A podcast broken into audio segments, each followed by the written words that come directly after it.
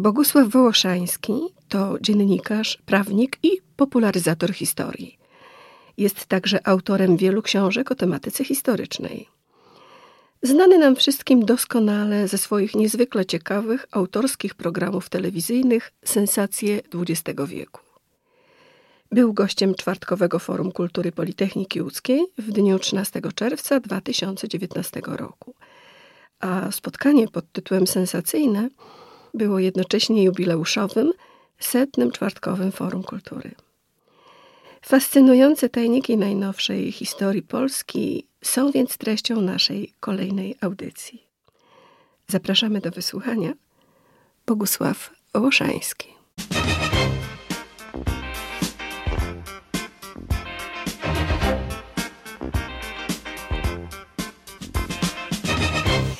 Zaczniemy od tego, e, że e, ukończył Pan prawo, potem dziennikarstwo, a historia to jest coś, co no, zdominowało właściwie Pana całe życie. Stało się pasją życia i zawodem, i to, wokół czego wszystko się teraz obraca już od wielu, wielu lat. Ogromnie wielu, powiedziałbym nawet e, kilkudziesięciu. Pierwszy program telewizyjny historyczny, który zrobiłem, to był rok 1983, e, czyli gdy tylko zakończył się stan wojenny, zrobiłem program historyczny, e, dlatego że chciałem pokazać inny sposób pokazywania historii.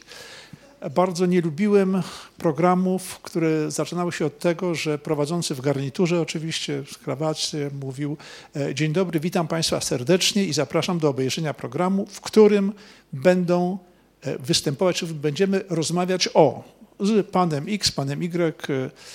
E, I, I, to była straszna sztampa, to było takie strasznie koturnowe. Przecież historia taka nie jest. No i dlatego zaproponowałem program, który facet w skórzanej kurtce stawał przed kamerą, zakładał tak ręce e, i chciał coś ciekawego nie tyle powiedzieć, co pokazać. To się bardzo widzom spodobało, no i tak to trwa do dzisiaj. No właśnie, i jest to wiele, e, wiele projektów. Zaczęło się od sensacji XX wieku. Dlaczego ten okres akurat pan wybrał?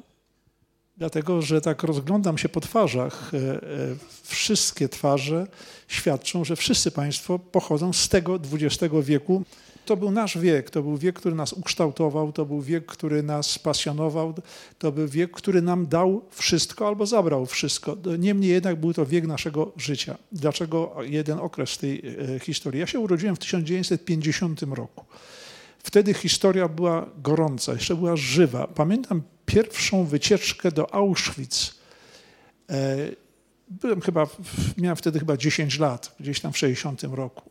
Wstrząsające, dlatego że to nie było muzeum. To było miejsce, w którym czuło się śmierć, w którym się czuło zbrodnie, strach, przerażenie ludzi tam mordowanych. E, kilka lat temu zawiozłem mojego zięcia który jest Francuzem e, i który bardzo chciał zobaczyć Auschwitz. E, pojechaliśmy tam do Auschwitz, odstaliśmy swoje w gigantycznych kolejkach i bardzo dobrze, że takie kolejki są, ale to już było zupełnie inne miejsce. E, to już było muzeum, to już było miejsce, które nie miało tej siły, tej pasji, tej tragedii, jaką odczuwałem jako dziesięcioletni chłopak. I to było dość charakterystyczne dla mojego życia że historia była wtedy żywa. No i dlatego tak mnie wciągnęła. Proszę nam powiedzieć, w jaki sposób powstaje program? Jaki, jak, w jaki sposób pan tworzy program? Zawsze zaczyna się od, od, pomysłu, od przeczytanej wiadomości o czymś, co wydaje mi się ciekawe, ale jeszcze do końca nie wiem, czy to było, e, było ciekawe. Zaczynam to drążyć i wtedy historia wychodzi na wierzch. E, I to jest e, tak jak pewien Rosjanin, przekazał. Ja miałem dwie bardzo ciekawe e, znajomości. Z jednej strony e, żonę mojego przyjaciela w Londynie, która pracowała w Państwowe Archiwum, teraz to jest po prostu Narodowe Archiwum, w, mieszczące się w Kew pod, pod Londynem właściwie, czy już w, w, granicach Londynu i ona mi odkładała ciekawe materiały, które zauważyła, które gdzieś tam się wyłoniły. I kiedy ja przyjeżdżałem do Londynu, ona mi te materiały przekazywała. I to, było, to była pierwsza bardzo ciekawa e, i bardzo korzystna dla mnie znajomość. Druga to był Rosjanin, e, który przywoził mi takie właśnie materiały z archiwum, Centralnego Archiwum w Moskwie. E, I jednym z tych materiałów było pismo Jurija Andropowa, ówczesnego ministra czy szefa KGB, później przywódcy Związku Radzieckiego, pismo skierowane do Breżniewa, ówczesnego szefa partii komunistycznej. Chodziło o wyrażenie zgody na, na pochowanie Hitlera. To było pismo z 1971 roku. Jak to z 70? Niewiarygodne, prawda? Pochowanie Hitlera? Pochowanie Hitlera, dokładnie. I zacząłem tego szukać. Zaczynam od, drugiej, od tej drugiej sprawy, od tego Hitlera. Hitler, i wyjaśniam, dlaczego Hitler został pochowany dokładnie 20 marca 1971 roku, a więc kupę lat po wojnie. Jego szczątki zostały zebrane i zabezpieczone przez oddział Smiersz. Smiersz, skrót od śmierć szpiegom, straszny, brutalny, okrutny kontrwywiad i placówka tego kontrwywiadu przy trzeciej armii, przy trzeciej armii Armii Czerwonej, która zdobyła Reichstag, która zdobyła bunkier Hitlera. Oni zabrali szczątki Hitlera i Ewy Braun znalezione i gdzie się nie przenosili po NRD, tam ze sobą przewozili te szczątki, aż trafili do Magdeburga. Wracam z Magdeburga, więc wiedzą Państwo, o czym będzie jeden z najbliższych programów. Zawieźli do Magdeburga, gdzie zajęli bardzo charakterystyczne cztery domy tworzące zamknięty kwadrat z podwórzem po środku. I w tym podwórzu pochowali właśnie te szczątki Hitlera i Ewy Braun. Aż wreszcie NRD to przejmowało i wtedy istniało niebezpieczeństwo, że trzeba będzie to zostawić NRD-owcom. A jakie było ich podejście do Hitlera, nawet Rosjanie mieli wątpliwości i postanowili jednak ostatecznie te szczątki zniszczyć i stąd szef KGB w związku z wyprowadzeniem się tego oddziału Smierszu z Magdeburga skierował do Breżniewa. Szczątki Ewy Braun i Adolfa Hitlera zostały spopielone, przemielone i następnie rozrzucone nad brzegiem pobliskiej rzeki, czy właściwie rzeczki. Marzec 1971 roku epopeja Hitlera w taki sposób dość dziwny się zakończyła. Więc dlatego muszę najpierw pojechać, obejrzeć sobie to wszystko, napisać scenariusz, aby potem według scenariusza pracować. No i właśnie z takiej podróży ogromnie ciekawej, bo jeden to jest Magdeburg, a drugim, niedaleko Magdeburga jest miasteczko, które ogromnie Państwu polecam, nazywa się Kwedlinburg, przez Q się pisze, Kwedlinburg. Tam jest kościół świętego Serwacego i w tym kościele miały zostać pochowane, czy miał być pochowany król Henryk I, pierwszy król niemiecki, nazywany ptasznikiem, podobno dlatego, że polował z sokołami. I tu się zaczyna niewiarygodna zupełnie historia, ponieważ Heinrich Himmler, jeden z największych zbrodniarzy, człowiek, który zawiadywał obozami koncentracyjnymi, uznał, że jest jego wcieleniem, więc przyjeżdżał tam nocami do Kwedlinburga, to jest niedaleko od Berlina, i po to, żeby rozmawiać z duchem właśnie Henryka I Ptasznika. W 1936 roku odbyła się uroczystość tysiąclecia śmierci Henryka I i przy tej okazji Himmler postanowił zdobyć, znaleźć jego szczątki jeden z antropologów, który poszukiwał tych szczątek, oszukał Hitlera, powiedział, że znalazł, okazuje się, że nie znalazł. Ale otworzył sobie drogę do kariery do tego stopnia, że Himmler sponsorował jego wyjazd do Tybetu po to, żeby ten antropolog odnalazł wejście do Agartu, do podziemia, E, ponieważ Himmler wierzył w to, że Ziemia jest wewnątrz pusta. To nie był jego pomysł, to był e, pomysł astronoma brytyjskiego Haleya, tego od komety, e, który uważał, że wewnątrz Ziemi jest, trwa życie, życie dzięki czarnej energii i dlatego postanowił e, Himmler to wejście do tego agartu, do podziemi e, znaleźć i wysłał, wysłał tam e, specjalną ekipę. Podobno drugie wejście jest na naszej Babiej Górze, Nie bez znaczenia jest fakt, że po niemiecku to jest Teufelspitze, czyli nie, Diabla Góra, a miejscowa ludność nazywa Babią Górę Diablakiem. Nie wiem, jaki to ma związek z kobietami, ale E, ale e, chyba ktoś tam zacznie szukać jednak tego wejścia do podziemi. Jak pan się zapatruje na takie teorie, które mówią, że Hitler jednakowoż nie zginął z Ewą Braun w, w tym bunkrze, tylko że uciekli gdzieś do Ameryki Południowej? Historia niestety jest e, terenem walki sił politycznych, terenem propagandy i od początku tak było. E, zwłaszcza po II wojnie światowej, e, kiedy Rosjanie, mając już zwłoki Hitlera, e, głęboko to utajnili po to, żeby oskarżyć Brytyjczyków, że umożliwili Hitlerowi i Ewie Braun ucieczkę. No i tutaj się zaczęły kolejne tropy, że tam do, do Argentyny uciekł, a ostatnio wpadła mi w ręce książka pana Farela, który napisał, że Hitler żył w Indonezji i nawet zamieścił jego zdjęcia. Podobny całkiem facet tam w tej Indonezji był z żoną Indonezyjką. E, więc e, pomijam oczywiście bujną wyobraźnię, ale rozgrywano Hitlera e, politycznie, żeby oskarżać aliantów o to, że oni e, no, mają albo ułatwili ucieczkę Hitlerowi, albo w dalszym ciągu go ukrywają, żeby nastawiać ludzi radzieckich przeciwko aliantom. Wiele Pana programów dotyczy Polski i różnych miejsc w Polsce bardzo interesujących, w których działy się rzeczy no, owiane wielką tajemnicą. Mazury to akurat przykład, jak e, dziwna jest historia, jak niewyjaśniona, jak niewiele wciąż na ten temat wiemy. Zamach na Hitlera. Wywiad amerykański już parę dni po zamachu e, zaczął podejrzewać, że zamach ten Hitler zorganizował sam na siebie. I był w historii inny, bardzo sprzyjający nam e, polityk, Charles de Gaulle, który bardzo lubił zamachiwać się na siebie. Jak jego akcje spadały, to on wtedy się zamachiwał. I od razu Francuzi zaczynają go, zaczynali go kochać jako ten cudownie ocalony. Więc e, oczywiście e, Hitler, który wyszedł cało w, po wybuchu, niemalże u jego stóp musiał być bardzo dobrze przyjęty przez naród niemiecki, a to umożliwiło mu e, rozprawę z opozycją, zlikwidowanie tych, którzy mówili dość e, wojny, e, tę wojnę przegrywamy. Zamach na Hitlera to jest lipiec 1944 roku, czyli Niemcy właściwie już tę wojnę przegrali. Miesiąc wcześniej alianci wylądowali na francuskim wybrzeżu.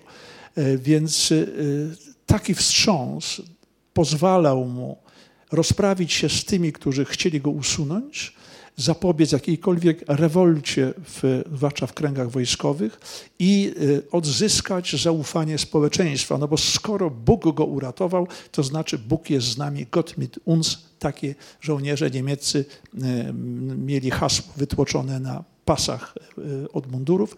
No i Hitler potrafił to wspaniale wykorzystać.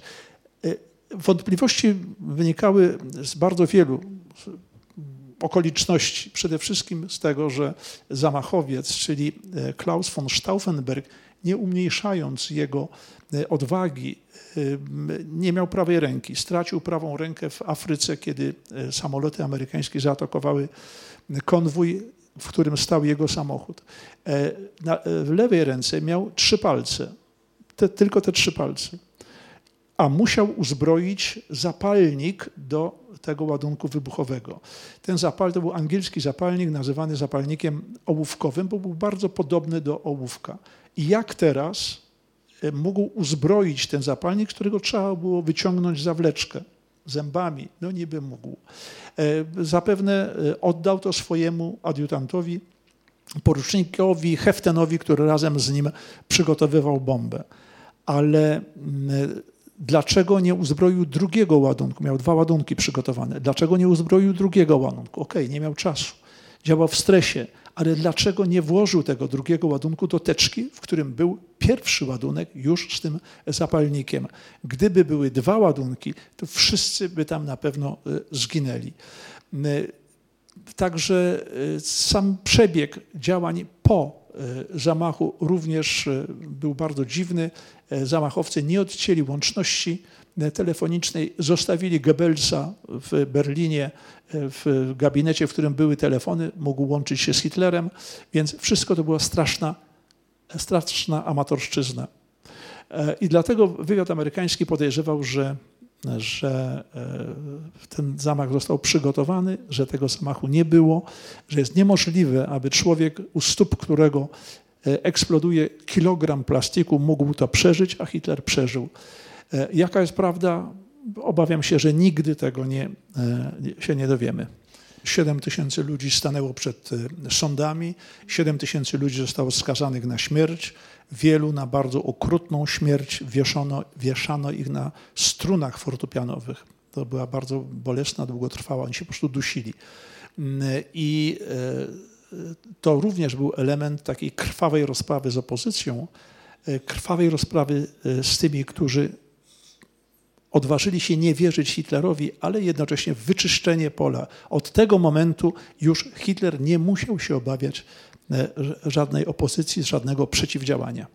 Mamy mhm. największe osiągnięcie e, w historii II wojny światowej.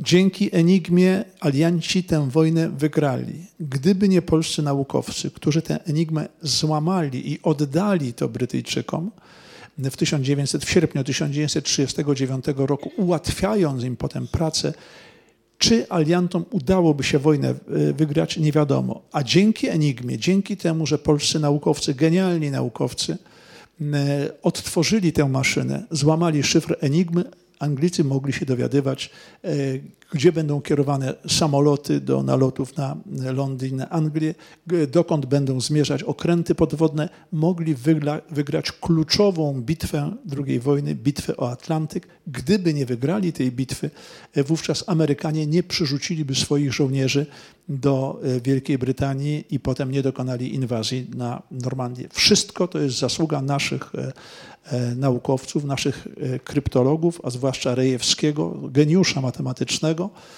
który wrócił do, po wojnie do Polski i zamieszkał ponownie w Bydgoszczy. On pochodził z Bydgoszczy. Był takim skromnym urzędnikiem, który codziennie przychodził do pracy. Nikt nie nagrodził jego, e, jego zasług. Do dzisiaj w dalszym ciągu na Zachodzie panuje przekonanie, że Enigma została znaleziona w Polsce gdzieś w rowie przez żołnierzy niemieckich, albo że e, Polacy sprzedali e, Enigmę, e, ukradli Enigmę Niemcom i sprzedali to Anglikom.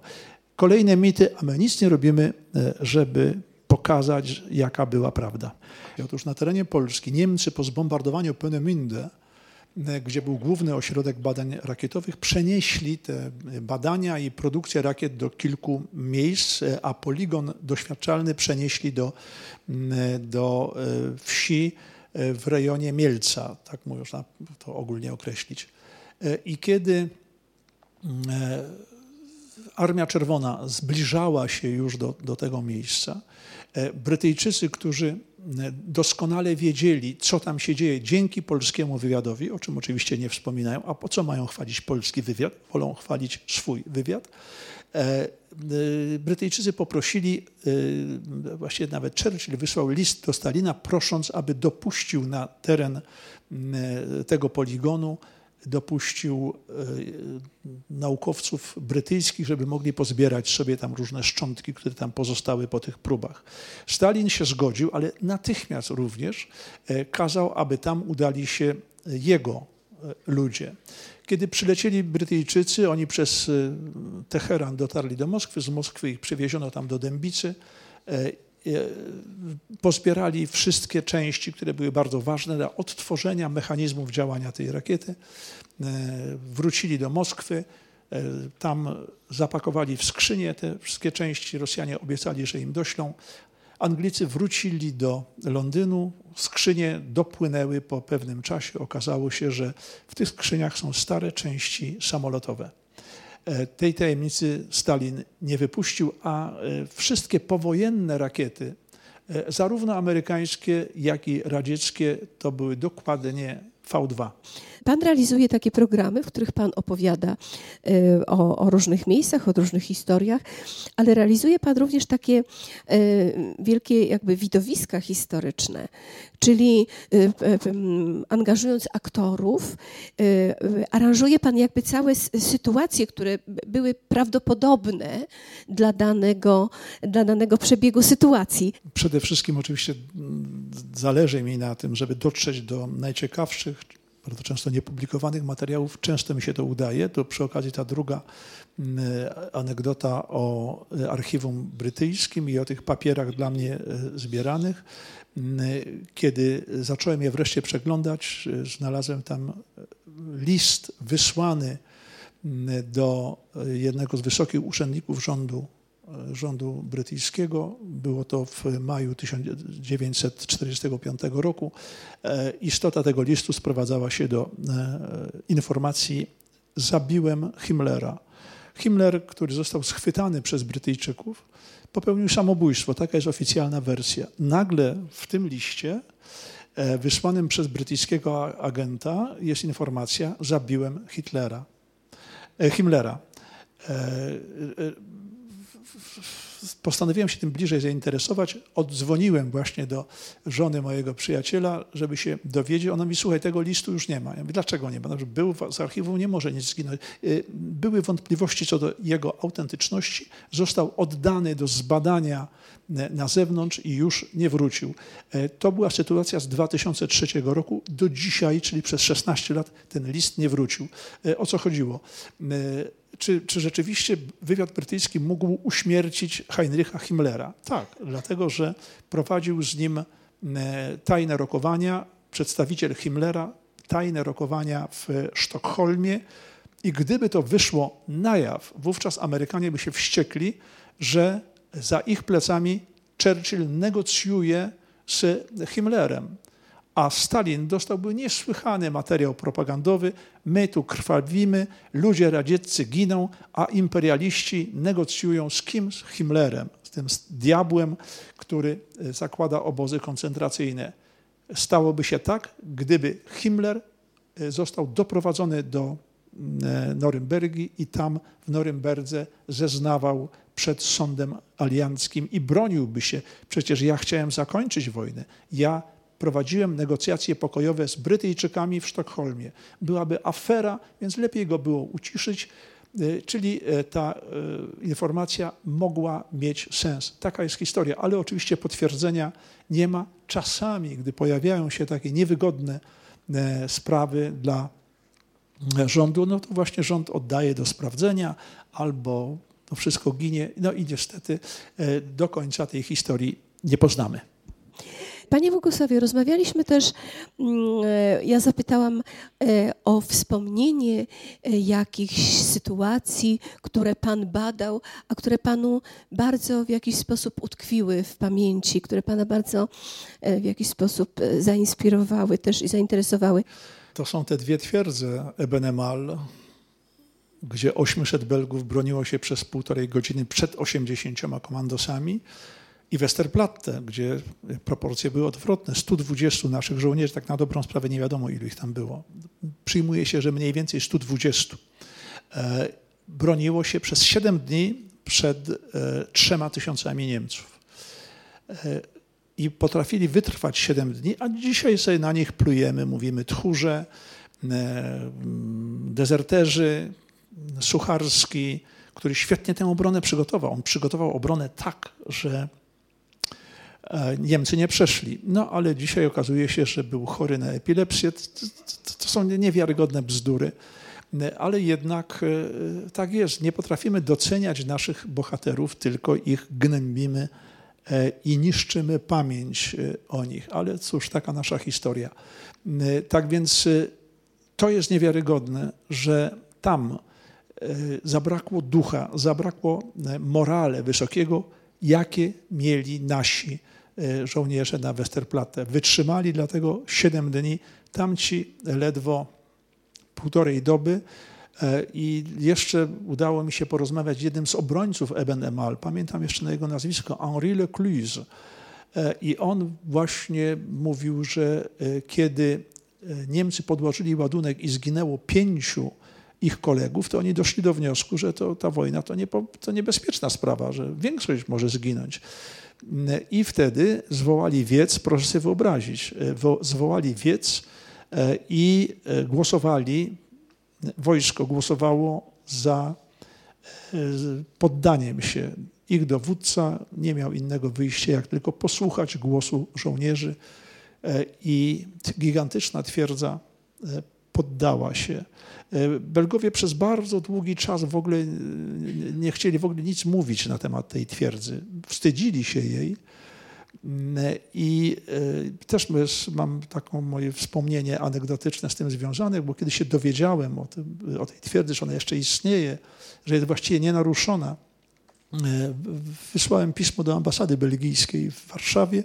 Ambasada odpowiedziała mi, co mnie zdziwiło, że ambasada nie może podjąć decyzji, żebym się w tej sprawie skontaktował z kwaterą główną NATO. Wysłałem pismo do kwatery głównej NATO i czekałem na odpowiedź, ale dostałem, dostałem mm, telefon do tej twierdzy, zadzwoniłem tam E, Francuz, ja nie znam francuskiego, ten e, Francuz nie znał angielskiego, ale gdy usłyszał, że jestem z Polski, to powiedział, że a zaraz to moja żona musi z tobą porozmawiać. Okazało się, że była to Polka. I kiedy jej przedstawiłem wszystko, to ona mówi, jaka kwatera główna, jakie pisma, niech pan przyjeżdża, wszystko panu pokażemy. On był e, szefem takiej miejscowej organizacji kombatanckiej. Pojechałem, obejrzałem wszystko, zrobiłem dwa programy, ta twierdza była zupełnie niesamowita. Kiedy wróciłem do Warszawy, na biurku leżała odpowiedź z kwatery głównej NATO. Domyślicie się Państwo, jaka była? Nie zgadzają się. Ja wiem nawet, dlaczego się nie zgadzają, ponieważ ta twierdza w istocie nie była naruszona, a były to e, żelbetowe e, korytarze na głębokości 25 metrów pod ziemią, w związku z czym NATO postanowiło urządzić tam e, tajny szpital wojskowy. Zwiedziłem go, bardzo ładny był ten szpital. Przygotowany oczywiście do, do wojny, nie, nie, nie działający. No i dlatego nie chcieli tam nikogo wpuścić, bo wszystko było tajne. Ludzkość się uczy. Przykład. Pierwsza wojna światowa. Po pierwszej wojnie światowej e, Europa, ta demokratyczna Europa, która zwyciężyła, popełniła straszny błąd. Upokorzyła Niemców i to efektem tego była druga wojna światowa. Niemcy upokorzeni nagle e, uwierzyli takiemu śmiesznemu w istocie facetowi jak Hitler i poszli za nim jak w dym. E, kiedy przyjeżdżam na Mazury, kiedy jestem na Dolnym Śląsku, kiedy patrzę, jak straszliwie zdewastowane są to e, krainy, które Niemcy stracili. Mazury, czyli Prusy Wschodnie e, i Dolny Śląsk, to były e, części Niemiec. Stracili to. E, wygnano stamtąd ludzi. Oni stracili cały swój dobytek, stracili całe swoje życie. To była cena, którą Niemcy płacili za to, że zaufali Hitlerowi. Warto to mieć na, na uwadze, że, że historia czasami lubi się powtarzać. Natomiast świadomość tego, co się stało, sprawiła, że po II wojnie światowej e, ten cywilizowany świat, demokratyczny świat pomagał Niemcom odbudować się, e, nie karał Niemców. E, rozliczenia z te wewnątrz niemieckie zostały bardzo szybko w istocie zakończone. I, I, w tej chwili Niemcy są w czołówce, czy nie najbardziej demokratycznym państwem w Europie. I to jest właśnie szczególnie optymistyczne, że potrafimy wyciągać wnioski z przeszłości i budować lepszy świat.